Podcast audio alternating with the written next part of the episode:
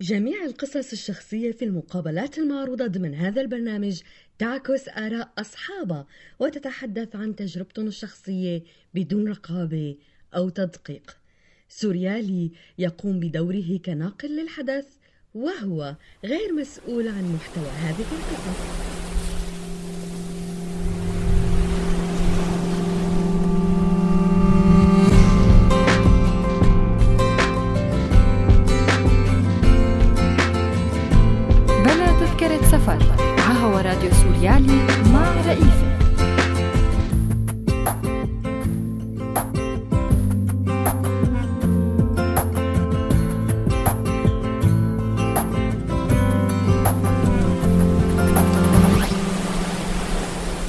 بحلقة اليوم من بلا تذكرة سفر.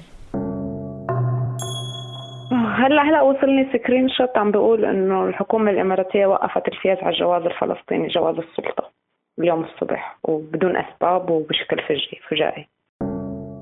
أنا ما بعرف مين فهم الناس إنه نحن بما إنه لاجئين في على ظهرنا خيمه قادرين نفردها بأي بلد ونقعد فيها. هذا الحكي ما صح نحن تعبنا من هاي المنطقة إحنا قعدنا استقرينا ما عاد فينا نجدد ولا عاد فينا نجرب ولا عاد فينا تعبنا. تعبنا وبقيان عنا هالأحلام الصغيرة إنه نحن نقدر نشوف أهلنا. لما يكونوا بحاجتنا ولما نكون بحاجتنا. أنا بس بدي أقول للعالم ساعدونا ساندونا لأنه إحنا بحاجتكم. على موقع السفارة أونلاين بتفوتي على قسم التأشيرات فبتلاقي أول جملة يعفى مواطني دولة دولة ألمانيا الاتحادية من طلب التأشيرة. بعد شوي بتلاقي إنه يمنع حملة الوثائق من دخول الإمارات. كثير مؤلمة هاي الجملة كثير بتوجع. رفقاتنا السورياليين اللي عم تسمعونا من كل بلاد الدنيا ومن سوريا أونلاين مباشر أو من على تطبيق سوريالي على الموبايل يسعد أوقاتكم. احتاج مئات من طالبي اللجوء على الظروف في مخيم موريا للمهاجرين في اليونان بجزيرة ليسبوس يوم الثلاثاء الماضي وتوفى شخصين بالإضافة لإصابة 17 مهاجر بجروح بيناتهم ست نساء وطفلين أحدهما رضيع. بعد أن قام المهاجرون بإشعال النيران في بستان زيتون خارج المخيم وبعدها بدقائق أضرموا النار داخل المخيم. علما أن موريا هي قاعدة عسكرية سابقة تم افتتاحها بعام 2015 كمركز لتسجيل القادمين الجدد. أكثر من 12 ألف شخص معظمهم من سوريا وأفغانستان والعراق عم بيعيشوا اليوم بمخيم موريا يلي صار تاني أكبر مدينة في ثلاث سنوات فقط. وتتجه الحكومة اليونانية لتعزيز الأمن على الحدود وإعادة 10,000 مهاجر لتركيا بعد يومين فقط من اندلاع الحريق هاد. بالإضافة لتعزيز الدوريات في بحر إيجا ومواصلة عمليات النقل الإضافية للمهاجرين من الجزر إلى البر الرئيسي. وعم تعمل الحكومة اليونانية على بناء مراكز مغلقة للوافدين بطريقة غير شرعية أو الذين تم رفض طلب لجوءهم وقال نائب وزير الحماية المدنية أن اليونان تشهد أسوأ فترة منذ اتفاق الاتحاد الأوروبي وتركيا عام 2016 في ظل وجود 70 ألف مهاجر ولاجئ على أراضيها. وأكثر من 29 ألف مهاجر في جزر ليسبوس، خيوس، ساموس، ليروس وكوس. ولا تتسع مخيمات اللجوء هناك إلا لاستقبال نحو 6300 مهاجر فقط. ووصف المتحدث باسم مفوضية الأمم المتحدة لشؤون اللاجئين في اليونان أن الوضع مأساوي جدا. من جهتها ألقت منظمة العفو الدولية اللوم على الحكومة اليونانية والاتحاد الأوروبي على حد سواء وانتقدت في بيان لها أنه الحريق في مخيم موريا للاجئين والوفيات والإصابات اللي نجمت عنه معتبرة أن ذلك سلط الضوء على فشل الحكومة اليونانية والاتحاد الأوروبي في إدارة الوضع المؤسف للاجئين في اليونان. ترى دراسة ألمانية حديثة أن عدد اللاجئين السوريين في تركيا قد يكون أقل بكثير عن المعلن عنه رسمياً. وفيما تتحدث الحكومة التركية ومؤسسات تابعة لمفوضية الأمم المتحدة السامية للاجئين عن وجود حوالي 3 ملايين و600 ألف لاجئ سوري في تركيا وتقدم الدراسة إحصائيات مختلفة. فقد ذكر معهد ديتسيم الألماني يوم الاثنين 30 أيلول عبر موقعه الإلكتروني أنه من الواقعية اعتبار أن عدد اللاجئين يقترب من مليونين و700 ألف سوري. مشيرا في ذلك إلى أرقام للهيئة التركية للهجرة ومفوضية الأمم المتحدة السامية للاجئين إضافة إلى تقديرات علمية. أصدرت شارلي ياكسي المتحدث الرسمي باسم مفوضية الأمم المتحدة لشؤون اللاجئين بيانا يوم الثلاثاء الأول من أكتوبر تشرين الأول عام 2019 أعلن فيه أن عدد المهاجرين الذين لقوا حتفهم في البحر المتوسط فاق عتبة الألف مهاجر وهي المرة السادسة على التوالي منذ ستة سنوات التي يتخطى فيها العدد حاجز الألف. وفي البيان ذاته دعت المفوضية بإلحاح إلى زيادة قدرات البحث والإنقاذ بما في ذلك عودة سفن الدول الأعضاء في الاتحاد الأوروبي إلى عمليات البحث والإنقاذ والإقرار بالدور الحاسم الذي تقوم به سفن المنظمات غير الحكومية في إنقاذ حياة الناس في البحر. ب 23 إيلول سبتمبر تم إطلاق حملة أنا لاجئ أنا إنسان واللي أطلق الحملة تنتين صبايا فلسطينيات سوريات. تلقت الشابتين اللي أسسوا الحملة عشرات رسائل التضامن والفيديوهات لأشخاص رووا قصصهم مع وثيقة السفر. كانت غالبيتهم من الفلسطينيين السوريين يلي هجروا من منازلهم في سوريا وصاروا عم بيعيشوا تجربة اللجوء مرة تانية. خلال ثلاثة أيام اتسع فريق العمل وقسمت المهام لأنه العمل تطوعي. وبات وسم أنا لاجئ أنا إنسان عم ينتشر أكثر وأكثر تعالوا نسمع من تغريد شو قصة هالحملة وشو هدفها.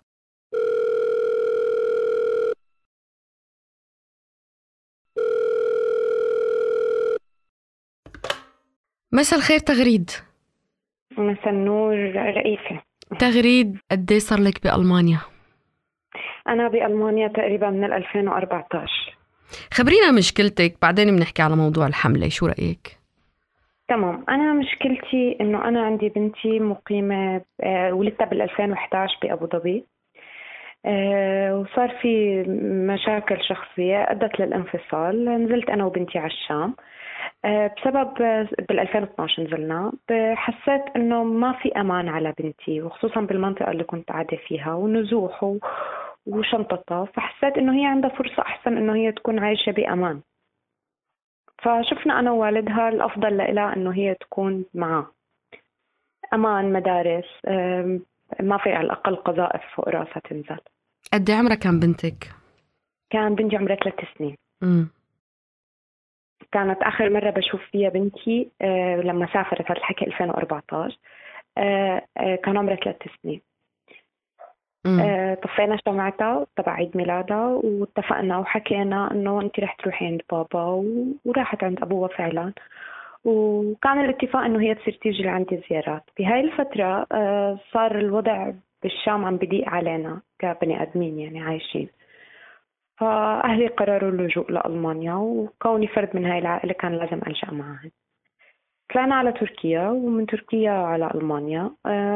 هون صار في بيني وبين أبوه آه، حكي إنه هو ما عاد يقدر يعيش بدون البيان أو إنه يتبعد عنه لهالدرجة. فإنه إذا عم بقولي إذا أنت ما رح عم تقدري تيجي هي كيف بدها تقدر تزورني؟ أنا كيف بدي أقدر أزورها؟ حاولنا كثير يقدم لي على فيز الزيارة حاول يساعدني كثير إنه مشان البنت تشوفني مشان أنا أشوف البنت. لكن للأسف آه، ما في أي نتيجة. لأنه أنا أول شيء تأخرت إقامتي لطلعت ثاني شيء لما طلعت الإقامة تفاجأت إنه أنا ما بحق لي آه، أزور الإمارات على وثيقة السفر. رحت على الأوسلندا بهوردة وطلبت إني أنا بدي جواز سفري آه، لأروح على السفارة وأجدده. فالموظفة حكت لي إنه أنت ممنوع تدخلي السفارة السورية لأنك بتحملي صفة اللاجئ. واللاجئ ممنوع يدخل صفة بلده حسب القانون الألماني. آه، حاولت كثير تواصلت مع السفارة كثير مرات أنا ماني عادتهم. حاولت أشتغل على التويتر بحيث إني أنا أحكي مع ناس بالإمارات إنه يساعدوني يلاقوا لي طريقة أدخل فيها على الإمارات. كمان ما في الجواب واحد وواضح إنه القانون الإماراتي بنص إنه نحن ما بنعترف بوثيقة اللجوء الأوروبية على انها جواز سفر.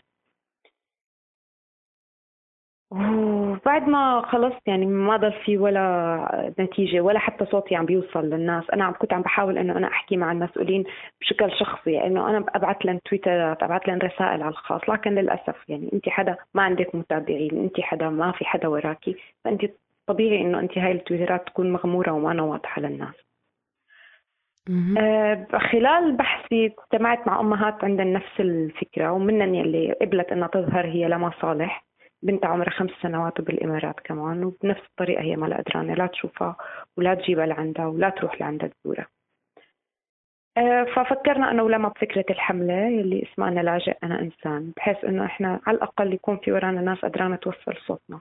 صوت ناس عندها أولاد بدول الخليج ما عم تقدر تشوفها ما عم تقدر آه، تلمسها ما عم تقدر تروح لعندها ولو لساعة. يعني إحنا وصلنا بمطالبنا إنه أوكي نحن ما بدنا نفوت على الإمارات إحنا بدنا ساعة بالمطار يعني مثل فيزا ترانزيت. نشوف بناتنا ونرجع. شفنا خيار الدول الثانية إنه نحن نشوف أولادنا بدول ثانية. طلعت أغلب الدول يلي مسموح لي أفوتها بهذا الجواز يلي معي. بنتي وأبوها ما بيقدروا يفوتوا عليها بالجواز يلي معي لأنه نحن الدول تقريبا اللي بنفوتها هي دول الاتحاد الأوروبي اللي هي ممنوع يفوتها حدا خارج الاتحاد الأوروبي. آه، الدول الثانية كانت مكلفة كتير وبتكلف كتير وكمان ما لها طاقتنا إنه نحن ندفع 3 و 4000 يورو علشان نحن نطلع 3 و 4 أيام. فكانت الحملة إنه نحن نعمل الحملة لنشوف كتير ناس مثلنا. وصوتين أقوى من صوت وثلاث أصوات أقوى من صوت وهي هي الفكرة.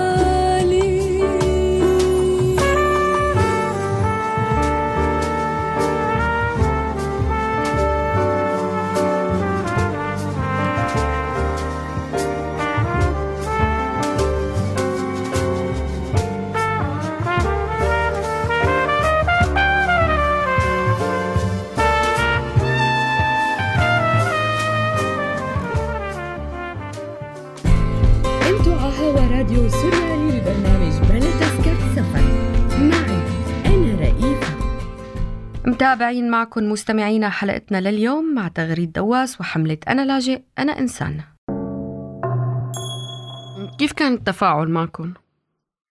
هلا التفاعل لحد الآن أنا راضيني بس بتعرفي إنه لسه في ناس خايفة ما بعرف ليش. يعني في تعليقات على الجروبات بتلاقيكي إنه إيه بكفي قعدونا ببلادهم وكانه هن عم بفهمونا إنه إحنا عم نهاجم. نحن ما هاجمنا ولا رح نهاجم ولا دولة لا عربية ولا أوروبية. آه، إن كان بالناحية الأوروبية فبالعكس نحن عندنا أمن وعندنا أمان وعندنا حقوقنا كبني آدمين عايشين على هاي الأرض. بالنسبة للدول العربية نحن لا عم نتدخل بقانون داخلي ولا شيء. نحن مطالبنا إنسانية بحتة إنه يعيدوا النظر بهذا القرار. على الأقل يصير في استثناءات للناس اللي عندها أهالي من الدرجة الأولى مقيمة بهاي الدول. إنه هي تقدر تعمل لها تأشيرات زيارة أو تأشيرات سياحية قصيرة ولو ليوم واحد. في ناس تفاعلت معنا كثير في ناس بعثت لنا قصصها. في ناس قالت لنا إنه أنا أمي مثلا مقيمة بأبو ظبي أنا أمي عم مريضة عم بتموت أنا ما عم بقدر أشوفها. في حدا أخوه مقيم مثلا بدبي أو بقطر بالدوحة نفس الشيء نفس القوانين ما عم بيقدروا يشوفوهن البلد الخليجي الوحيد اللي عم بفوت الوثيقة هي السعودية وعلى فيزا عمرة فيزا قصيرة مدتها خمس أيام.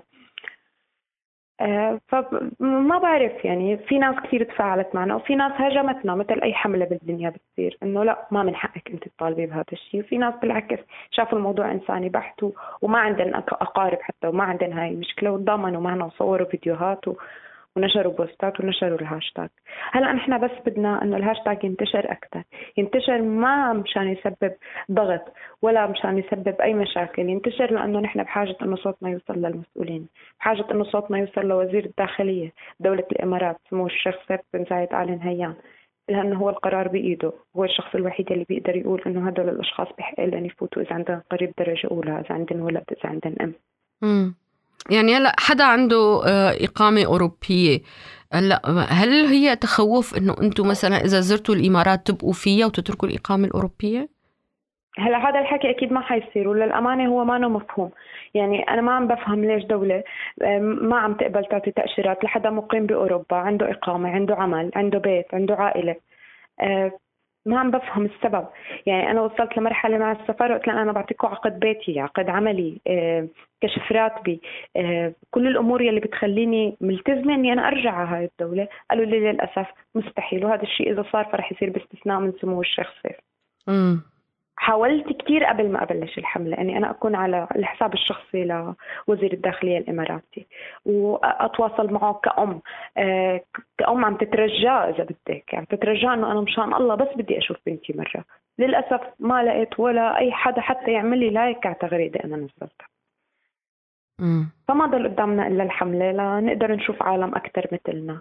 لنقدر ممكن نوقع طلب جماعي إنه نحن مثلا إحنا ناس عندنا هاي المشكلة. آه، ممكن نوقع نجمع توقيع لو نقدمها للسفارة الإماراتية ببرلين. عملتوا عريضة على أفاز؟ لسه ما عملنا بس الفكرة واردة. مم. يعني إحنا قلنا بس ثلاث أيام مبلشين بالحملة. وبحاجة لسه إنه ناس أكثر توقف معنا. بحاجة الصحافة وبحاجة الناس المؤمنة بحقنا إنه نشوف أولادنا. مؤسف. وكمان بالسفارة الإماراتية قالوا لي إنه أنت روحي على السفارة السورية وطلعي وثيقة فلسطيني سوري صادرة من سوريا ومن فوتك فأنا قلت لهم إنه هذا الحكي ممنوع حسب موظفتي يعني الموظفة المسؤولة عن ملفي بالأوسلندر بهورد بألمانيا قالوا لي على مسؤوليتنا الشخصية روحي ما بصير لك شيء.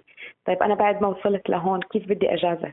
كيف بدي أجازف بإقامتي الأوروبية وأروح على السفارة؟ أنا قانون الدولة اللي عايشة فيها كان واضح معي وقايل لي ممنوع. وسألت المحامية. أنا وأنا قبل شوي اتصلت بالسفارة الإماراتية وكان عندهم نفس الجواب وقلت له المحامية. المحامي قال لي لا تفوتوا على السفارة لأنه هاد بيسقط عنكم حق اللجوء بيضعف موقفكم. ف يعني لا قلنا حل قال ما في حل. المؤلم أستاذة رئيسة إنه انت هلأ إذا بتفوتي على على موقع السفارة أونلاين بتفوتي على قسم التأشيرات فبتلاقي أول جملة يعفى مواطني دولة دولة ألمانيا الاتحادية من طلب التأشيرة بعد شوي بتلاقي إنه يمنع حملة الوثائق من دخول الإمارات كثير مؤلمة هاي الجملة كثير بتوجع كثير بتحسي في بقلبك عتب الدنيا على أولاد على أولاد العرب اللي أنت منن اللي أنت من أصلا اللي أنت بتحكي نفس لغة ليش؟ ليش أنا محرومة أشوف بنتي؟ ليش لما محرومة تشوف بنتها؟ ليش أمي ما بتقدر تشوف أختي؟ مم. كان أول فيديو صورته قلت فيه نحن ما بنخوف إحنا مالنا مجرمين الحرب. مو إحنا مجرمين الحرب. إحنا ضحايا. وبرجع بقول إحنا ضحايا. ونحن بحاجة مين يوقف جنبنا. وأنا عن طريق برنامجك بناشد أي مسؤول مسؤول عن هذا القرار إنه هو يغير هذا القرار يمنحنا استثناءات يمنح الناس اللي عندها قرابة من درجة أولى إنه هي تفوت لأنه هي لأنه لأنه نحن من حقنا ببساطة. أنت متخيلة يكون عندك طفلة عمرها 8 سنوات أنت تركتيها بيبي بالحفوضه وهلأ صارت صبية عم بتروح على المدرسة عم عم تطول عم تكبر أنت ما بتعرفي هاي التفاصيل عنها أنت بس بتشوفيها كل فترة من شاشة الموبايل. لما بنتي تسألني أنا ليش يا ماما ما عم تيجي عندي؟ من فترة كنت بزيارة آه، بالنمسا فبنتي كمان كانت معي على الخط فبتعرف إني أنا بالنمسا فكان سؤالها إنه ماما ليك هيك عم بتسافري ليش عندي ما عم تيجي؟ طب أنا هاي الطفلة كيف بدي أقعد أفهمها؟ بيعجز اللسان يعني شو بدنا نقول؟ إيه بس وأنا برجع بقول إنه أنا بحاجة تضامن بحاجة تتوقفوا معي بحاجة كل الناس اللي عم تسمعني إيه، تقوم تصور فيديو تحكي شو صار معها بالسفارات العربية تحكي نحن كيف عم ننهان بالسفارات العربية كيف نحن مواطنين درجة ألف بالسفارات العربية. كيف نحن في هذا هاي هاي الجواز اللي ماسكينه اللي بيحملنا صفة لاجئ هو بنفس الوقت عاطينا الأمان وعاطينا الحق بحياة كريمة وبنفس الوقت وبمكان ثاني عم بيكون تهمة لإلنا.